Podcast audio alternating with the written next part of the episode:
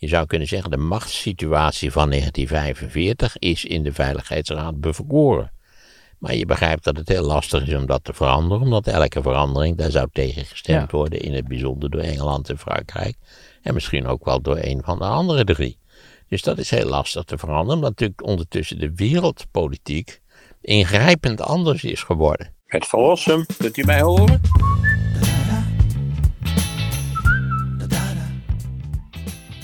Als je die tijdslijn nu zo op elkaar op een rij zet, hè, is het toen in München, denk je dat Poetin toen heeft gedacht, weet je, laat ze allemaal de kleren krijgen in het Westen. eh, ze, ze doen niet wat ze zeggen vanuit hun perspectief. Wij volgen onze eigen strategie. Ja, dat denk ik wel.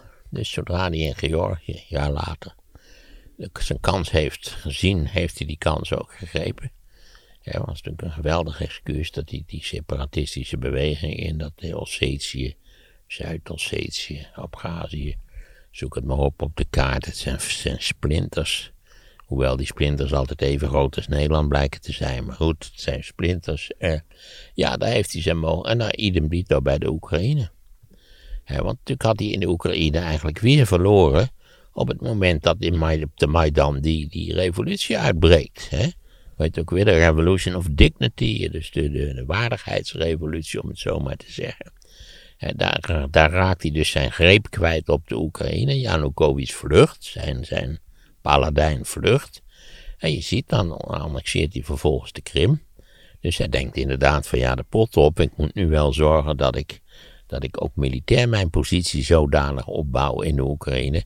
Dat ik niet 1, 2, 3 van het bord gespeeld kan worden. Ja, en het is natuurlijk gissen, maar je lijkt wel een plan achter te zitten. Met eerst Georgië, nu Oe- Oekraïne. Nou ja, daar moet je altijd enorm mee uitkijken. Het, je, zou kunnen zeggen, hij maakt gebruik van de mogelijkheden die de situatie hem biedt. En voor zover er een plan is, is het zijn vaste overtuiging dat het Westen hem, eh, laten we zeggen, slecht behandeld heeft. Dat, hij, dat ze recht hebben op veel meer dan wat ze hebben. Dat recht hebben ze naar mijn idee niet. Ze hebben helemaal geen recht. Ze hebben er zelf voor gezorgd dat het land uiteengevallen is. Daar hebben we het over gehad. Dus daar moet je niet zeuren. Had, was een ander inclusiever veiligheidssysteem mogelijk geweest, een beetje à la het, eh, het Europese huis van Gorbachev, of dat waar we het over gehad hebben, die, eh, eh, hoe heet het, dat, dat, dat Amerikaanse plan om, om die landen allemaal in een soort tijdelijke, tijdelijke organisatie op te nemen, waarvan je moest afwachten hoe het zich verder zou ontwikkelen. Eh, ja, dat zullen we nooit weten. Dat is een andere weg gevolgd. En als ik nu, eh, als wij niet hier in Nederland in een fijne straat zouden zitten in een autootje, dan, en ik zou in Estland zitten, we zouden in Estland zitten en dit eh, gesprek voeren, dan zou ik toch wel afsluiten met de mededeling dat ik wel erg blij ben dat Estland in 2004 lid van de NATO is geworden. Hoewel dat misschien kwetsend was voor Rusland en, en bij, de, Russen het idee heeft gewekt van dat, dat, er, eh, dat er het Westen kwade plannen had. Ja, omdat je, het is uiteindelijk onvoorspelbaar hoe. Kijk, wij denken altijd bij Rusland, en we hebben dat ook weer gedacht bij China, we denken altijd hetzelfde. Als we nou maar wachten en we gaan met ze in gesprek en zo. Nogmaals, ik dacht ook dat dat zo was. Hè. Dat is wat Merkel al die jaren gedaan heeft. We gaan eens met ze in gesprek en dan valt het allemaal wel mee. Eh, want dan zullen ze niet. eh, ja, dat is niet zo het geval gebleken. Ja, ja, Macron is natuurlijk ook eh, door, door Poetin gepiepeld op een ongekende manier aan die ballentafel. hè. Die dacht dat hij alle invloed uit kon oefenen. Die, die eh, is er met open ogen ingetuind. Ja. Nog even Zo voor, goed als ik dat ook heb gedaan. Voor die tijdslijn nog eventjes belangrijk. Wanneer is die uitspraak van Bush geweest? Van, oh, ze kunnen prima bij de NATO komen. Waar, wanneer, is de, wanneer was Ja, dat? daar, in, eh, daar in Boekarest, eh, zegt dat was toen, Ja, een prima idee. Kan zijn dat hij dat al eerder heeft uitgesproken, dat weet ik niet precies. Dat was natuurlijk een grote Maar fout. de- hij is door zijn Europese bondgenoten onmiddellijk tot orde geroepen. En in het, wat betreft het slotcommuniqué is het standpunt van de Europese bondgenoten gevolgd, niet het Amerikaanse standpunt. Maar in dat slotcomité staat dan weer wel dat ja, op den duur zullen ze, zullen ze ongetwijfeld lid worden van de, van de NATO. Nou ja, kijk, je hoeft geen genie te zijn om te zeggen dat een Oekraïne die lid is van de NATO. Ja, dat, dat is voor Rusland natuurlijk ook een, een, een immense klap naar prestige, naar, naar veiligheidspolitiek, hoe je het ook beschouwt. Ja. Wat niet wegneemt, dat gesteld dat we nou, stel voor, er komt toch een soort vredesregeling. Er blijft een zoom van Russische aanwezigheid. eh, dan zal de Oekraïne terecht, denk ik, ook van het Westen, garanties willen hebben. Ja, wat, eh, je kunt ik wel zeggen, we spreken af, het, eh, de wapens zwijgen en eh, oké, we maken een deal met z'n twee. Wat, wat voor garantie heeft een land als de Oekraïne dat die Russen niet over vijf jaar weer overnieuw beginnen met dit getrut? Ja. Dat we weer die foto's krijgen met al die lui die naast elkaar geparkeerd staan. En, Ja.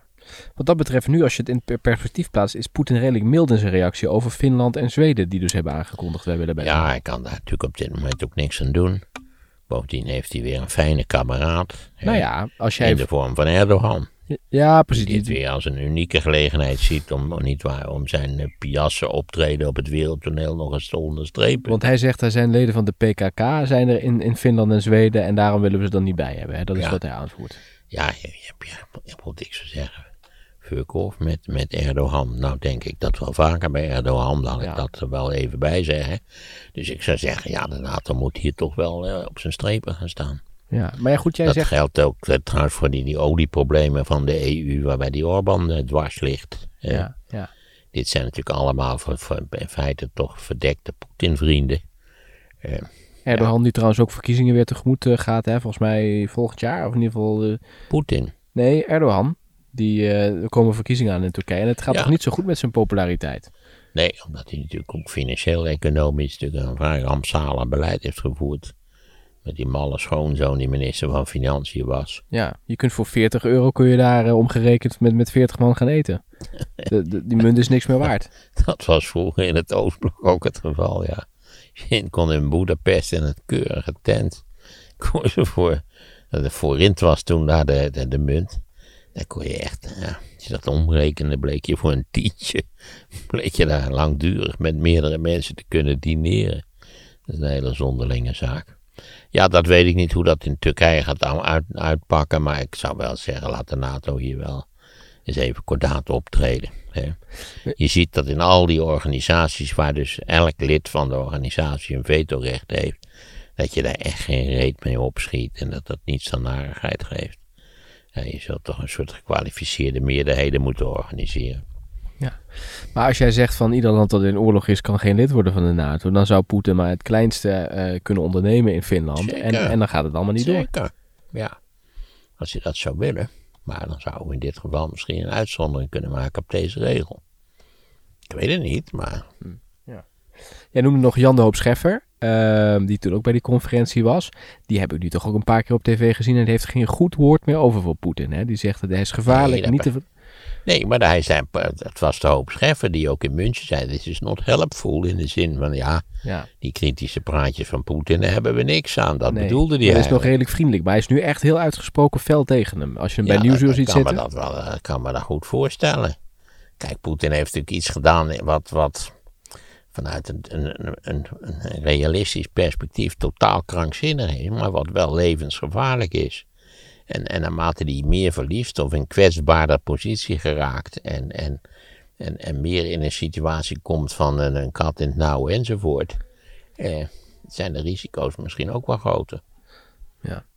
Wat nog goed zou kunnen uitpakken eh, in deze hele situatie is dat wij onze eh, afhankelijkheid van bijvoorbeeld het Russische gas en de olie gaan afbouwen. Ja, zonder meer. Wat dat betreft zal het een enorme stimulans zijn. Want ik mag wel aannemen dat dit nu doorgezet wordt, toch? ja, ja, dan hebben we nog een Maar ja, het gas, daar konden we pas in 27 van af, begreep Ja. ik. Maar goed, het wordt nu wel in gang gezet. Als Ja. die oorlog er niet was geweest, hadden we deze discussie nu Nee, niet gehad. er zouden Finland en Zweden ook zeker geen lid van de NATO hebben willen worden. Nee, dat is zonder meer een feit. Daarom, hij heeft op alle terreinen verloren. Hm. Ten aanzien van de effectiviteit van zijn eigen leger. Ten aanzien van het blijkelijk heel slechte geïnformeerdheid over de Oekraïne. Dat hij dacht dat, dat de Russen daar met, met gejuich en bloemetjes ontvangen zouden worden. Nou nee dus.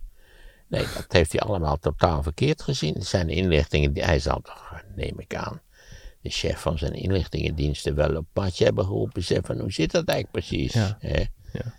Want er bleek niets te kloppen van, van wat mij verteld is. Want er zal, denk ik, denk ik verteld zijn, nou ja, dat het een fluitje van een cent was.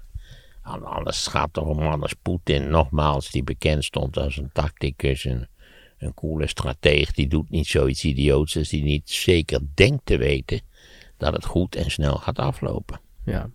En als je, Tegendeel is het geval geweest Als je die 9 mei speech er nog een keer bijpakt, dan zie je dus ook dat hij het, het volk toch wel voorbereidt op een wat langere strijd. Dat dit niet uh, eind van het jaar klaar is. Nee, nou, ik ben, dat kan ik dus totaal niet begroten. Ik denk dat niemand weet hoe dat eigenlijk precies zit. Eh, maar het is natuurlijk wel zo, je moet eigenlijk, je kunt een tweede perspectief kiezen. Namelijk, hoe zou het eruit zien als uh, Rusland vlot gewonnen had? Dat betekent toch dat, dat in feite heel Oost-Europa ook in een onzekere situatie zou komen te verkeren. Wat is dan nog de positie van de Baltische Republieken? Zijn we dan bereid om een, om een gigantisch militair conflict te starten vanwege een vervelend gekloot van de Russen in de Baltische Republieken? Nee, het is, wat dat betreft is het een ongelofelijke zegen dat die Oekraïners zo effectief gevochten hebben. Het is voor ons ook een zaak van eminent belang. Hm. Ze vechten ook voor ons, voor onze waarden en normen. Nee, ik, God, nogmaals, ik heb zelf ook gedacht dat die Poetin verstandiger zou zijn dan hij uiteindelijk gebleken is te zijn. Hm. Het is natuurlijk een daad van zeldzame stomzinnigheid, maar tegelijkertijd een daad die ons erop wijst. Niet waar dat Rusland niet te vertrouwen is. Je zou kunnen, kunnen stellen, is het ooit te vertrouwen geweest? Nou ja, dat is heel problematisch natuurlijk. Eh, de Koude Oorlog was natuurlijk in het begin ook een onzekere situatie, maar die is geleidelijk aan door allerlei eindeloze wederzijdse afspraken, is dat een gekalmeerd conflict. Maar we zitten nu met een heel nieuw conflict. Want het blijkt dat Rusland revanchistische wensen heeft en in feite een, minstens een deel van zijn imperiale positie wil herstellen. Hmm. Wat wij onacceptabel vinden. We waren net zo blij dat we er vanaf waren. Hmm. Ja wel goede keuzes vanuit de NAVO gemaakt hè, om het uh, te deescaleren. Ja, de, de, NAVO die was hersendood, we hebben het erover gehad. Die is weer tot leven gewekt. Uh, ook de EU heeft in feite heel adequaat gereageerd, behalve die eikels in Hongarije. Waarom flikkeren we ze er gewoon niet uit? Ja, ja, ik weet, dat is ook verkeerd. Dat zou ik, zou ik niet moeten zeggen. Maar tenslotte gaat het je wel zo ongelooflijk tegenstaan die ordinaire leugenaar. Hè, die Orbán is begonnen als een linkse hervormer. Niet waar. En dat blijken gewoon allemaal ordinaire dieven te zijn.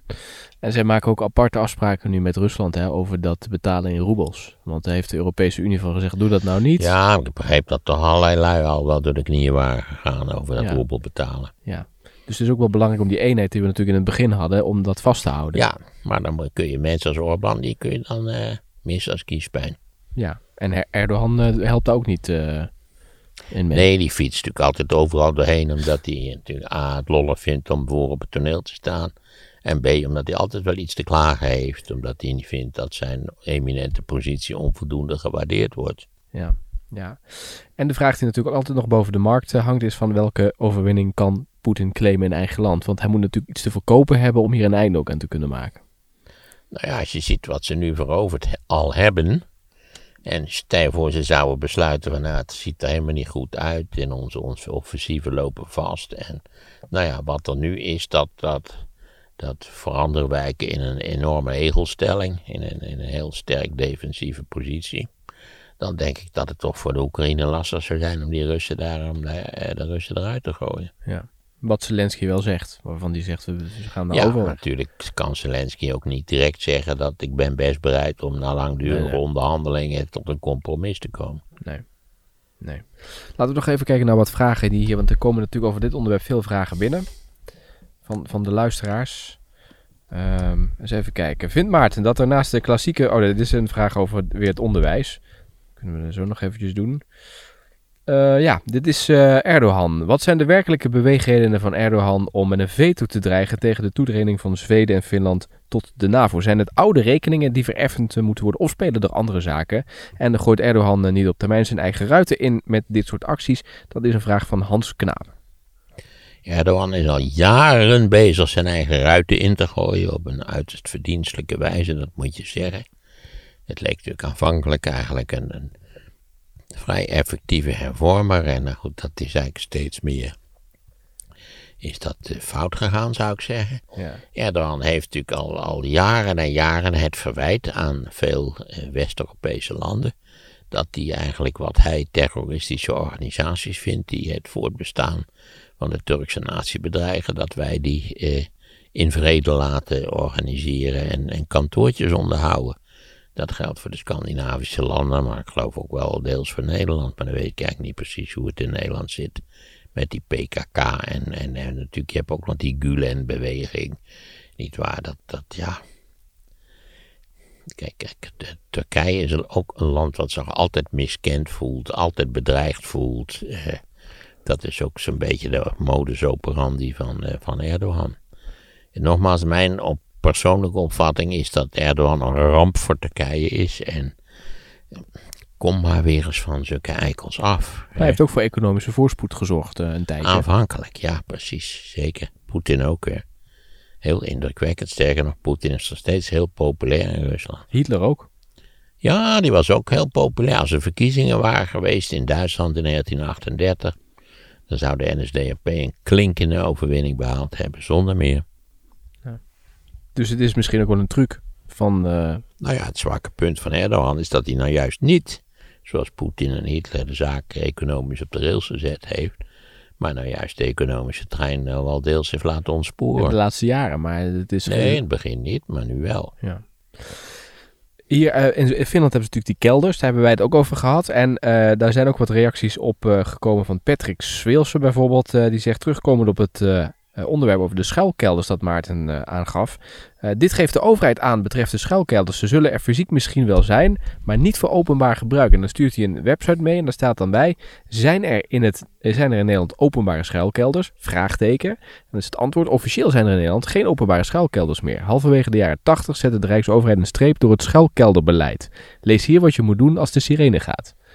Ja, daar heeft hij ongetwijfeld groot gelijk in. Waarom was dat half jaar, ja, wegen de jaren tachtig? Omdat we dachten dat de Koude Oorlog definitief was afgelopen. Dus het schuilkelderbeleid is stilgezet. Hmm. Ik neem aan dat als in de, maar enigszins de indruk zou bestaan eh, dat we ze weer nodig zouden kunnen hebben, dat het schuilkelderbeleid weer geactiveerd kan worden. Ja. Net zo goed als de dienstplicht is, die is, dat, die is alleen onhold, zoals dat heet. Die kan ook weer geactiveerd worden. Je moet er niet aan denken, maar het kan wel. Um, eventjes kijken of we dan nog wat vragen hebben over uh, dit. Ja, ook weer een vraag over het uh, vetorecht van uh, Peter Drent. Ik ben benieuwd wat je vindt van het vetorecht. Eigenlijk is het toch vreemd, bijvoorbeeld in de VN-veiligheidsraad. Eén van de vijf permanente leden stemt tegen de meerderheid met een veto. Of recent natuurlijk Turkije, die zoals het nu lijkt tegen de toetreding bij de NAVO van Zweden en Finland zijn veto gebruikt. Of is er misschien ook iets nuttig te vertellen over een veto? Nou, er zijn meerdere vragen hier gesteld die niet direct aan elkaar gerelateerd zijn. Dat is ten eerste de Veiligheidsraad van de Verenigde Naties. Eh, kijk, die hele Veiligheidsraad zou niet tot stand zijn gekomen als niet de grote mogendheden in die raad een vetorecht zouden hebben gekregen. In het bijzonder natuurlijk China, de Verenigde Staten en Rusland. Er is nog een switch geweest van nationalistisch China naar communistisch China. En dan natuurlijk ook nog Frankrijk en Engeland. Dat, dat dat is eigenlijk, de, je zou kunnen zeggen, de machtssituatie van 1945 is in de Veiligheidsraad bevroren.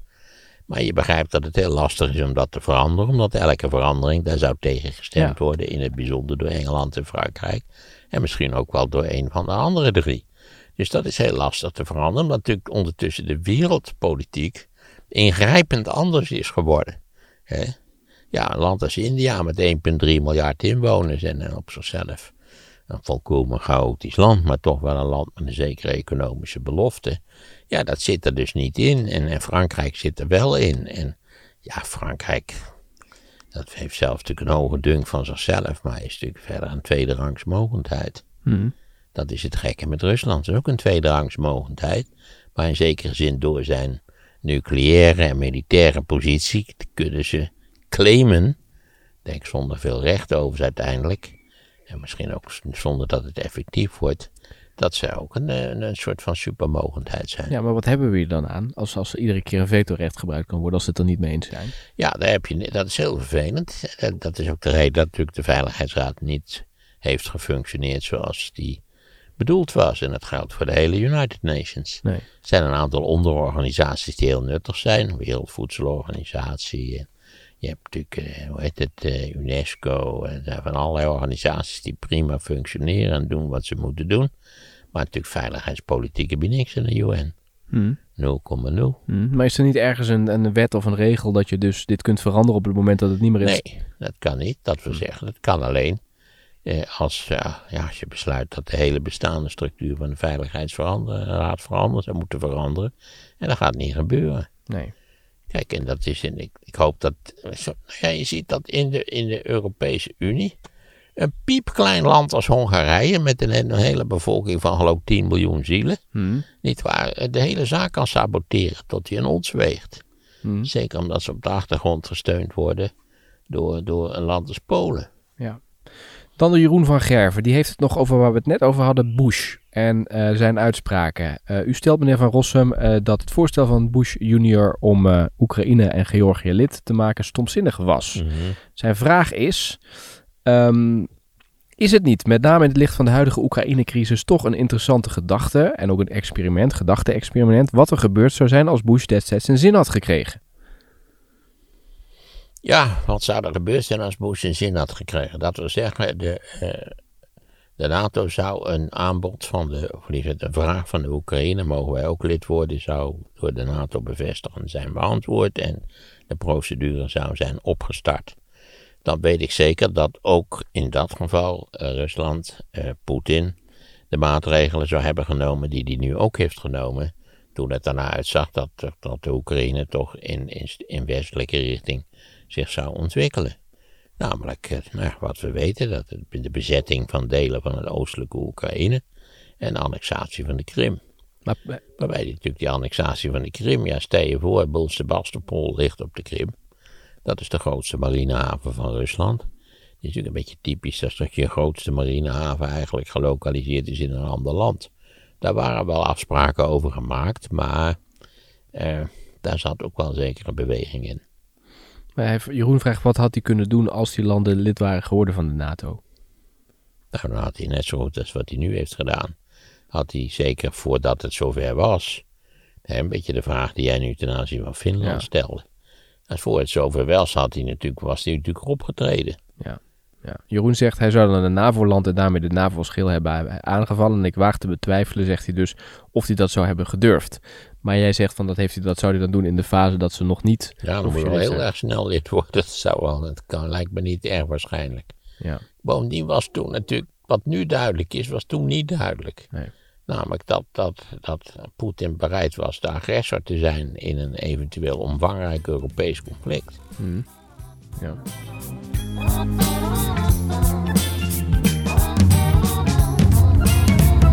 Dat is een hele zonderlinge zaak. Vor uns liegt Deutschland, in uns marschiert Deutschland und hinter uns kommt Deutschland. Maarten van Rossum over Hitler. De Joden streefden naar een eigen wereldheerschappij. Ze waren dus een parasitair ras, wat in feite die vitaliteit van het volk, in dit geval het Duitse volk, wezenlijk bedreigde. Download het luisterboek via de link in de beschrijving.